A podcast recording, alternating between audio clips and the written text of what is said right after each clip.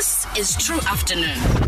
Continuing uh, on this topic, uh, we were discussing Speak Your Mind on Tru FM like no one else. See, Teta, whether or not as a young person, how you feel uh, about remaining or leaving the Eastern Cape and are there opportunities for growth within the province? And also, do you feel uh, confident enough that you still want to be around, uh, that you want to be around for that process? Tru FM, Molweni. Petru, Yes, Budi kunjani? Ngicela ngafutane na. Hey, siyazama nathi hotman yami. Ewe. Mm. Mamela ke plane. Mm. Eastern Cape inazo imeans zobana abantu bangancedakala yabo. Mhm. Kwalapha ngaphandle kophuma. Cha ingxaki yayo ine corruption emihle abantu abafuna ukubribe ngale mali wena fanele uyayibhatala kule nto uyifunayo. Mm. Uyayibona? Eish. So the, the opportunity lena uh, uh, ends up not being a fair opportunity for umuntu. Eh because opportunity yakwazi ukuza kuzothi xa saphuselane sithi faka kaloku fundini. Kawenze. Kawenze. Mm. Mm. Sure ke. Sharp for it.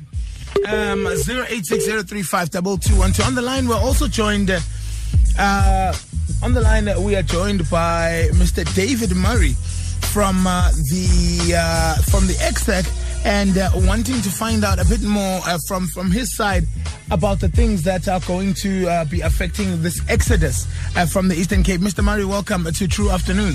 Yes, hi, how are you? Good, thank you. Uh, thank you for making some time with us. You are the CEO of the Eastern Cape uh, Social Economic Consultative Council. That's right, uh, Andrew Murray. I heard you say David Murray. Andrew Murray. Apologies, apologies. Yes, okay. Um, is is this is this a new trend or is this something that has been uh, happening for some time now? Uh, look, I mean, you've got to understand, I think the Eastern Cape has always been a, a, a, a labour sending province. In fact, it developed as a labour sending province where people migrated out to uh, find work in other provinces. In fact, the whole kind of um, apartheid labour market was structured around that, the Eastern Cape supplying labour to other provinces. Um, so you've always had that trend in the Eastern Cape of people of of Eastern Cape citizens migrating out to find employment in Gauteng and Western Cape primarily. And you still find that trend continuing. We still are a labour sending province. We still are a province with the highest levels of net out migration.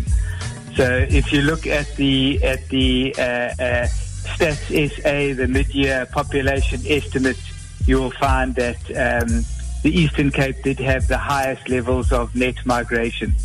Um, something like 53,000 people Wow. um, left the left the province. Now, um, that's between 2011 and 2016. I think what's important to know, though, is while people leave the province, they also come back to the province. So you can look, there's high out migration and there's also high in migration. So you find a, a, a trend of oscillation, people leaving the province and coming back to the province. But the net figures show a higher level, a higher number of people leaving the province. Okay. And Cape Town, Western Cape, and Gauteng are the two preferred destinations for obvious reasons. Now, Mr. Murray, what what really what what really causes young people or young graduates to leave this province primarily? Well, look, it would be uh, a search of economic opportunities, no doubt, um, both real and perceived. I think um, definitely the, the opportunities exist um, in other provinces due to, uh, I think, the, the way that the South African economy is structured and the way it performs currently. Uh, a lot of economic activity in the country. It's a very concentrated economy. A lot of the economic activity happens in Gauteng, and that's uh, due to our hi- historical uh, growth model, um, where it's built around mining, it's built around the finance sector, it's built around services. That all happens in Gauteng. Now, as we transform the economy, and we diversify the economy away from that kind of mining and finance dominance into other sectors. A, a province like the Eastern Cape could start realizing its true potential. and then could start retaining graduates and, and, and youth to actually stay in the province, to yes. be part of the growth of the province. Uh, Mr. Murray, what impact does uh, this have on the province and its growth? Look, obviously, you you you don't want to lose, uh, especially your best minds. I think you you want to retain your youth. You want to retain youth who are entrepreneurial, who are innovative, who are go-getting, who are out there, um, who are going to create the opportunities. Because I think the world we live in, it's not just now about looking for a job.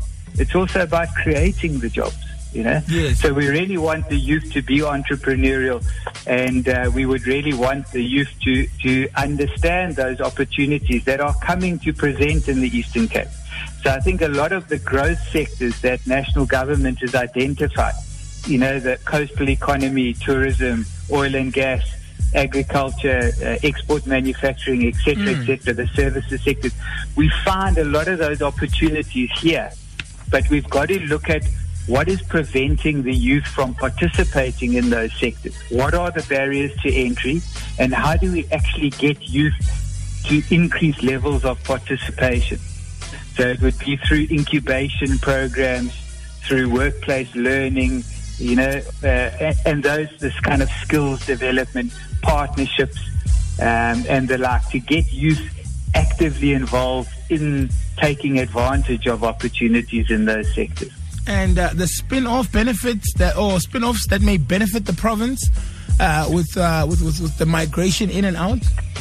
Well, look, I mean, ob- obviously, you would want to to to to uh, uh, make sure that youth who leave the province, and and like I say, we've had that history of being a labour-sending province.